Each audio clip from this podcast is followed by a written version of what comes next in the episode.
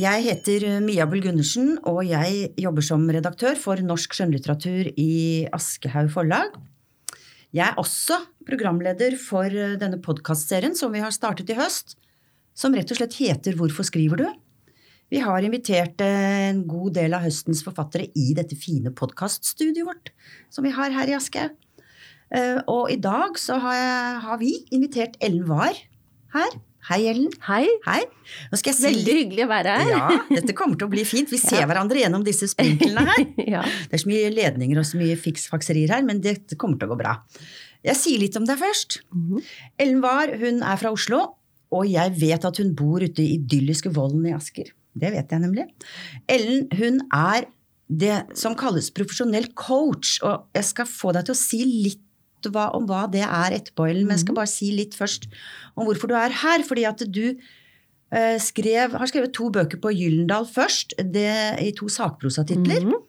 Den ene kom i 2011 og heter Dømmekraft, og den andre heter Våg livet og kom i 2013.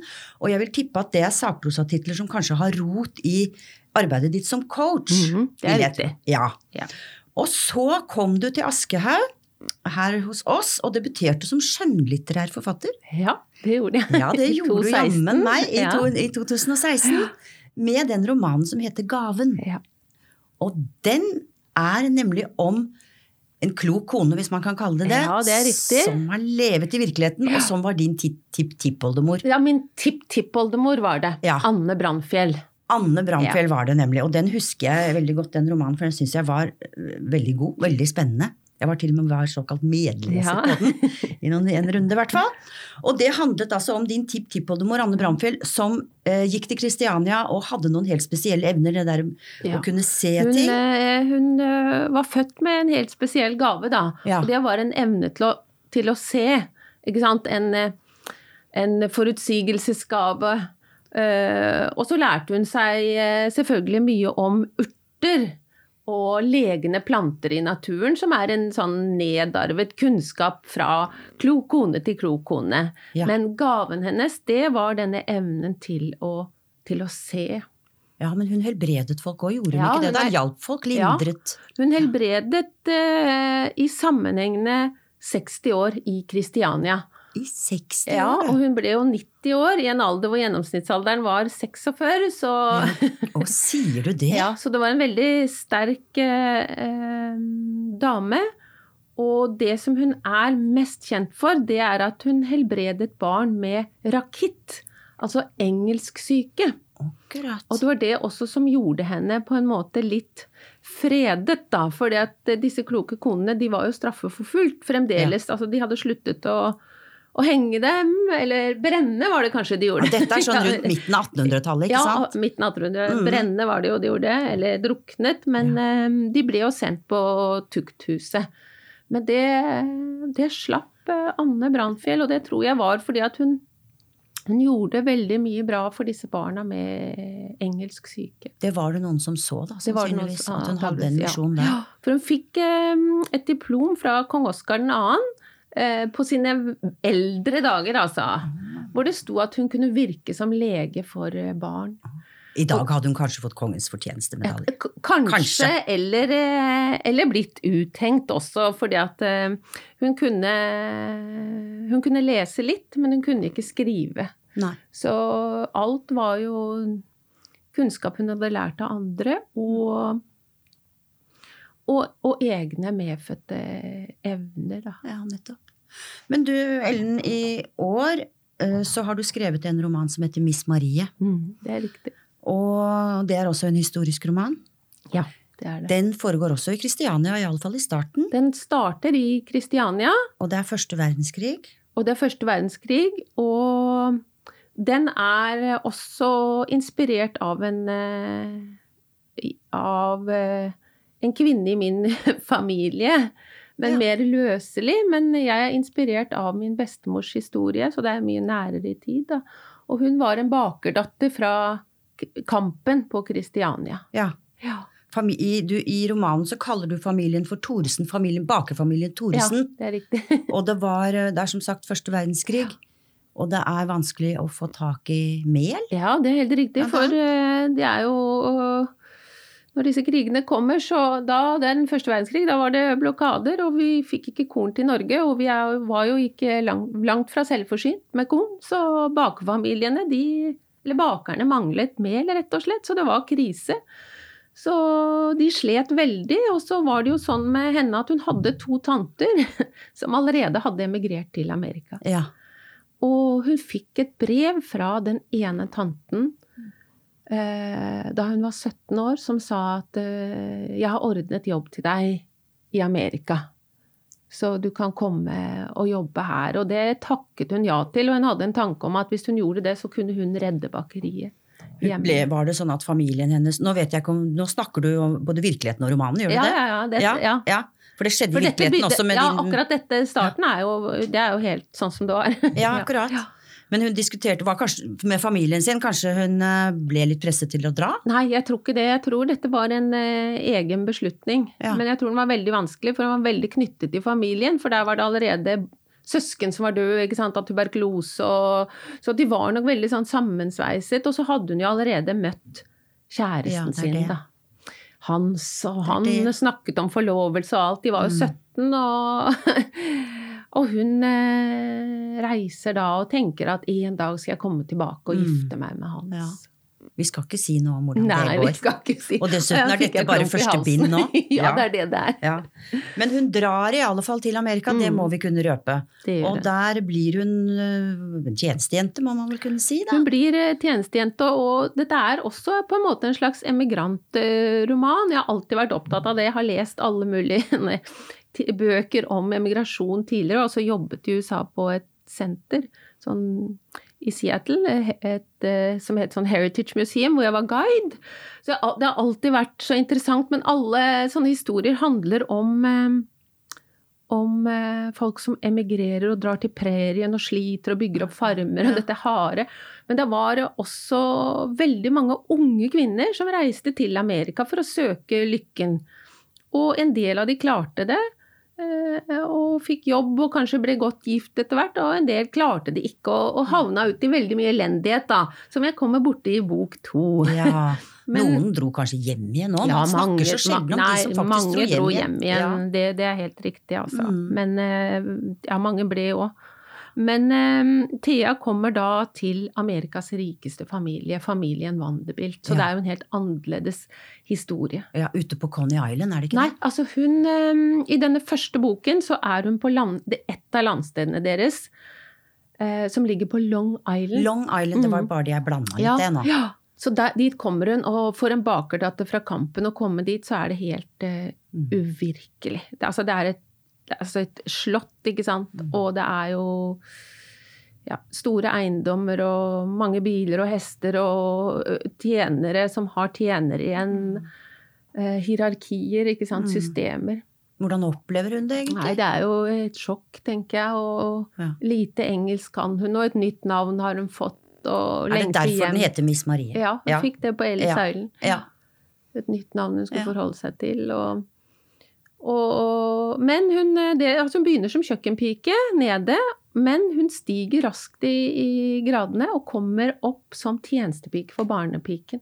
Ja. Og får gå i hvit uniform, og da kan hun synes, og Mm. er der oppe i annen etasje. Der, eller oppe, Mm. Og da får hun også se Altså, altså annen etasje, ikke sant, hvor det er herskap og gjester og, Mm. og på den måten så får jo også vi som lesere da eh, også litt innblikk i, i, i hvordan de hadde det der oppe. Og Rikingene. også de som, det ned, som var nederst. Ja, ja, ja. Som du vel kanskje til og med kaller de usynlige, Ja, som, de ikke, usynlige. ikke, som man ikke så. Og kvinnene, og i alt jeg, alt jeg arbeider med, og bøker jeg skriver, så er det kvinnen som står i sentrum. Kvinnehistorier. Det er eh, derfor jeg skriver, da. Det er det som har hjertet mitt. Ja, det er nemlig det jeg skulle spørre deg om. Ja. Det som podkasten heter. Hvorfor du skriver. Mm. Altså, altså den, eh, den enkle forklaringen, det er jo altså i, i dag Jeg har sittet på veldig gode historier, familiehistorier, som jeg ville fortelle. Viktige kvinnehistorier. Og kanskje spesielt den om Anne Brandfjell. Eh, Så det har vært viktig for meg å, å få ut. Eh, Vi har så mye å lære av kvinnene før oss.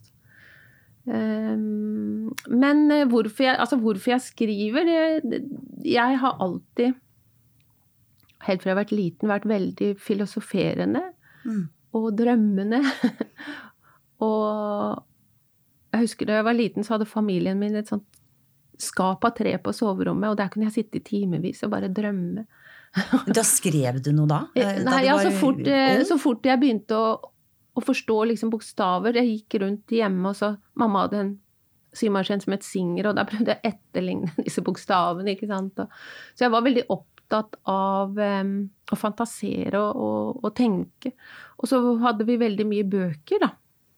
I hjemmet mitt. Mm. For mammaen min var lidenskapelig opptatt av å lese. Ja. Og det hadde hun vært helt fra hun var ung. Ja. Og hun hadde lest alle disse store russerne og de amerikanske forfatterne, så hun var helt veldig sånn oppslukt av det og ville at jeg også skulle ha den kjærligheten. Så tidlig begynte hun å kjøpe disse, som sikkert er i mange hjem, eller var før, disse lange radene med rød og blå Mm. bøker. Verdens Anna beste. Karenina og sånt? Alle de. Ja. Og de rød Norges beste. ja. Og hun begynte å kjøpe på avbetaling, da. Så jeg fikk én i måneden fra jeg var ganske ung. Og faktisk, jeg, jeg prøvde å lese, det var ikke alle jeg skjønte, men jeg prøvde liksom å komme meg gjennom, og ble veldig glad i disse, mange av disse historiene etter hvert. Og så bestemte moren min seg for å utdanne seg da i voksen alder, og begynte å studere til å bli bibliotekar. Og, så jeg er jo vokst opp på sånn, blant sånne støvete bibliotekshyller, og jeg elsket det. Du var med på jobben. Jeg Elsket det. Ja. Åh, den derre lukten og Og vet du, det er såpass lenge siden at det var ikke sånne fine sånne glossy cover og omslag sånn som det er nå. Det var disse gamle bøkene, vet du. De litt sånn ruglete Ja, når man tar på Ja, dem. ruglete. Sånn som de Grønne tok på sånn. sånne spesielle trekk Ja, på bibliotekbøkene. Helt, Helt riktig. Ja. Mm, og, det, og da, vet du, da begynte jeg å drømme, for jeg Og da Man har jo drømmer som man tenker ja, ja, det gjør jeg en dag, og så har man drømmer som man bare drømmer fordi de er deilige, da. Mm. Og så, da hadde jeg en sånn forfatterdrøm. Det var da, da virkelig begynte det. Jeg dro ut disse grønne, ruglete altså, Åh, ja det Men du var ganske voksen da du debuterte, fordi at eh, vi snakker ikke så mye om alder i denne, Nei er denne podkastserien. Vi kan godt gjøre det, selvfølgelig. Men du var nesten 50, tror jeg, da ja, du nei, jeg- debuterte, faktisk. Jeg var, eh, Mange og ja, 40, i hvert fall. nei, ja, jeg var faktisk det. Kjære venner, jeg var faktisk Ja, det. ja. Jeg var nesten 50. Ja, Ja. fordi du, du sier du, du- drømte om å skrive, men du kom ikke i gang så, så Men tidlig. jeg synes de er så De kan gjerne snakke om alder, for jeg brenner jo også for det at man godt kan skifte litt beite jeg, da i godt voksen alder, og det har jeg gjort nå tre ganger. Å, har du det? Så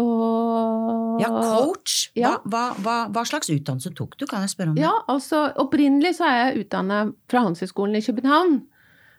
Og begynte å jobbe i finans og forsikring.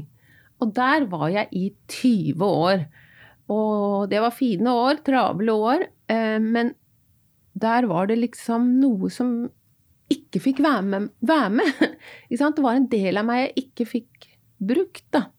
Sånn at jeg selv om jeg liksom hadde alt og en slags form for status og penger og, og gode kollegaer og alt var liksom for stell, så, så lengta jeg så fryktelig etter noe, så jeg brukte ganske mange år på å finne igjen hva det no, forunderlig noe var som jeg på en måte hadde mistet helt av syne. Men det var skrivingen, tror du? Det var skrivingen. Ja, Det var skrivingen, og så et ønske om å formidle noe, da, jobbe Mm. med mennesker.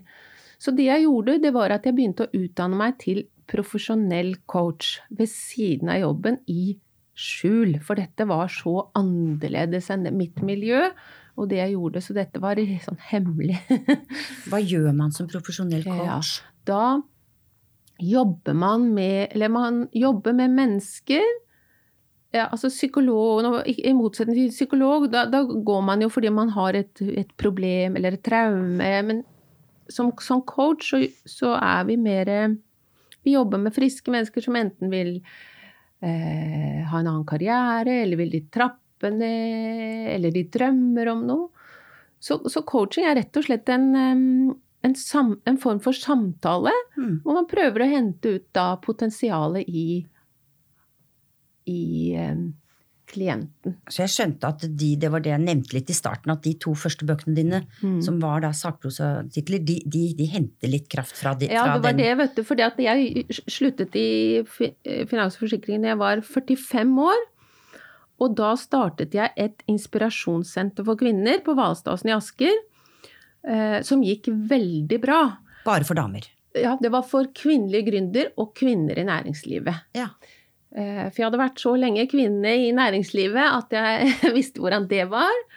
Og, og også det med å våge å gjøre noe nytt, da. Så jeg tok gode sertifiseringer og startet dette senteret, som raskt ble populært da. Og da eh, bestemte jeg meg for det midtveis når jeg drev det, at jeg ville gi bort alt jeg hadde erfart om min prosess for å våge å, å hoppe ut i drømmen. Og litt, litt ja, egne erfaringer og erfaringer som profesjonell coach. Da. Og alt det ville jeg gi bort, og det gjorde jeg da i min første bok som het Drømmekraft. Ja, men så på et tidspunkt så kommer du inn i det skjønnlitterære, og det er jo ganske annerledes enn å skrive Ja, det er helt annerledes. sakprosa, ikke sant? Det er helt annerledes. Det, det, det neste som skjedde etter jeg ga ut den, det var at jeg fikk hundrevis av brev fra folk som sa å, nå vet jeg hva jeg drømmer om, men jeg tør ikke å gjøre det virkelig. Mm. Og da skrev jeg en oppfølger til den første sakprosaboken, Våg som het Våg livet, slik får du mot til å leve din drøm. Og det var en litt sånn tøffere bok, hvor han får den, det motet, og hvor han blir venn med frykten, for den går aldri bort da. Kanskje du trengte den for å tørre å det. skrive roman? Ja, ja, ja. Alt, dette, alt jeg har gjort, er jo bare en prosess til å tørre det som jeg egentlig skulle. Jeg har gått opp det stupebrettet, og jeg har stått så lenge ut på den kanten. Og jeg har vært så redd for så mye, for all, alle endringer. Jeg har vært så redd. Jeg har vært kjemperedd. Eh, og så har jeg allikevel eh, hoppet ut i drømmen. Og den, den største drømmen da, for drømmer de utvider seg og vokser etter hvert som du våger å gå, så, så utvider drømmen seg, og du får tak i mer og mer av den virkelige drømmen. Da, og det var jo å skrive skjønnlitterært, som hadde ligget der i meg siden jeg var liten. Du er modig da, Ellen, men, men, eh, men det er jo ikke da bare å, å sette seg ned og finne frem språket Nei, sitt. nei, nei. I alle fall ikke når det gjelder det skjønnlitterære språket. Nei, er du gæren? Det var Så hvordan var det du kom i gang? Det med, altså Anne Bramfjell var jo da din tipptippoldemor, men det å finne det skjønnlitterære språket Mm. Ja. er jo ofte det folk plundrer mest Ja, ja, med. ja, er du gæren. Det var en kjempeprosess, men jeg hadde Jeg hadde en tanke, og det var at historien om Anne Bramfjell, den er så viktig, og også for kvinner i dag. eh, Fordi hun var så modig og trossa frykt og fordommer og fulgte hjertet og hjalp så mange mennesker at den skal jeg klare å skrive. Så jeg brukte veldig lang tid på å klar... Ja, jeg, altså selve det å få ned 'ja, dette skal det handle om', Mm. men det å, å skape liv til karakterene, eh, gjøre historien spennende Altså, det var en enorm prosess. Ja. Eh, men eh, det var aldri, aldri noe tanke om å gi meg, altså. Nei, jeg vet at du jobbet mye med det, Ja, jeg jeg, husker det.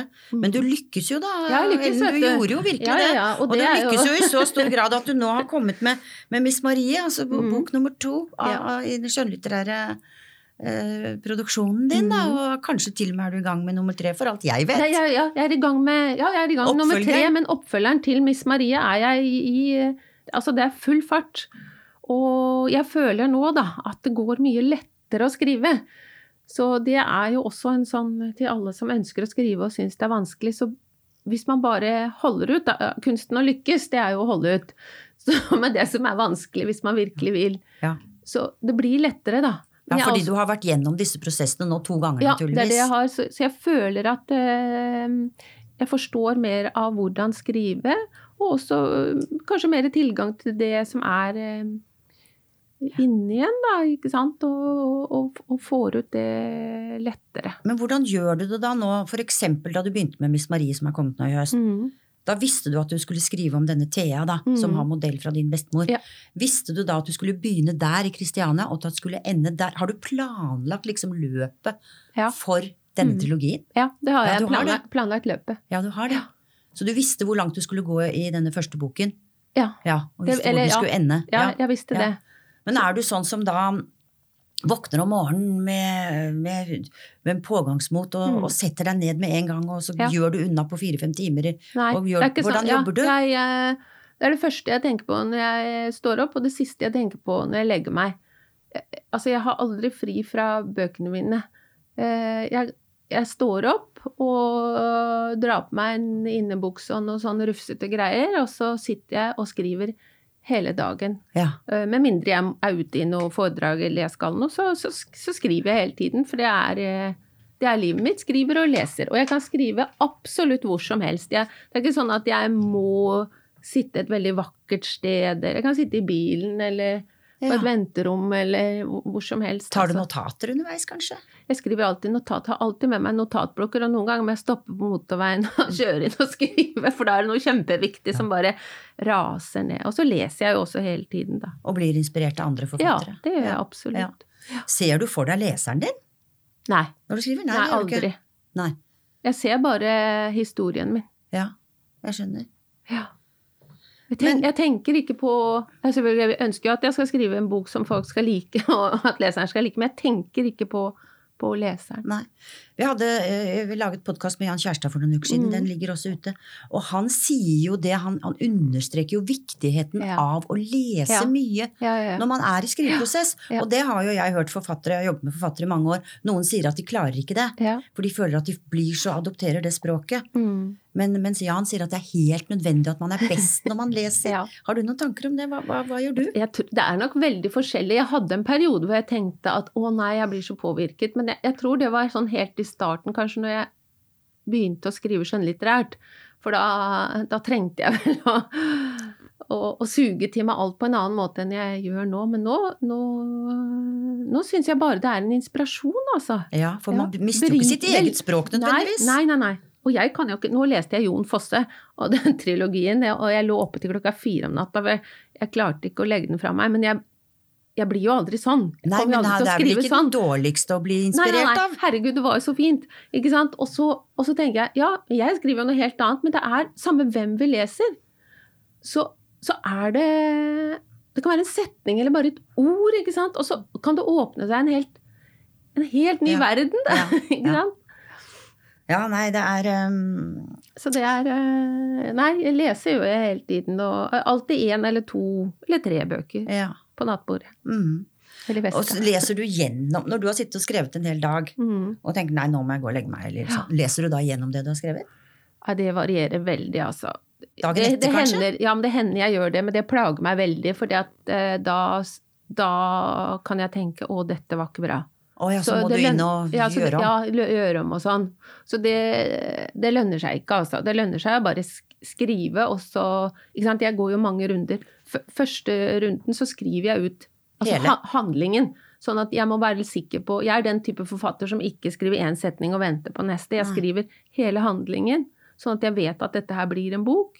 Og så har jeg for meg selv, da, før jeg leverer en ny runde, hvor jeg liksom går litt mer i dybden, Oh, ja. og kanskje spiller på Ja, nå skal jeg spille litt mer på den karakteren Så du skriver karakteren. ikke ferdig et kapittel og gjør det så godt som mulig ikke, før du gir nei. deg i kast med neste? Nei, Altså. nei, det gjør jeg ikke. Akkurat. Og, og, og- det, det ville være for meg bort, helt bortkastet tid. For det kan hende jeg kommer til kapittel 25, så ser jeg at kapittel 2 Nei, det kan jo ikke være sånn i det hele tatt. Mm.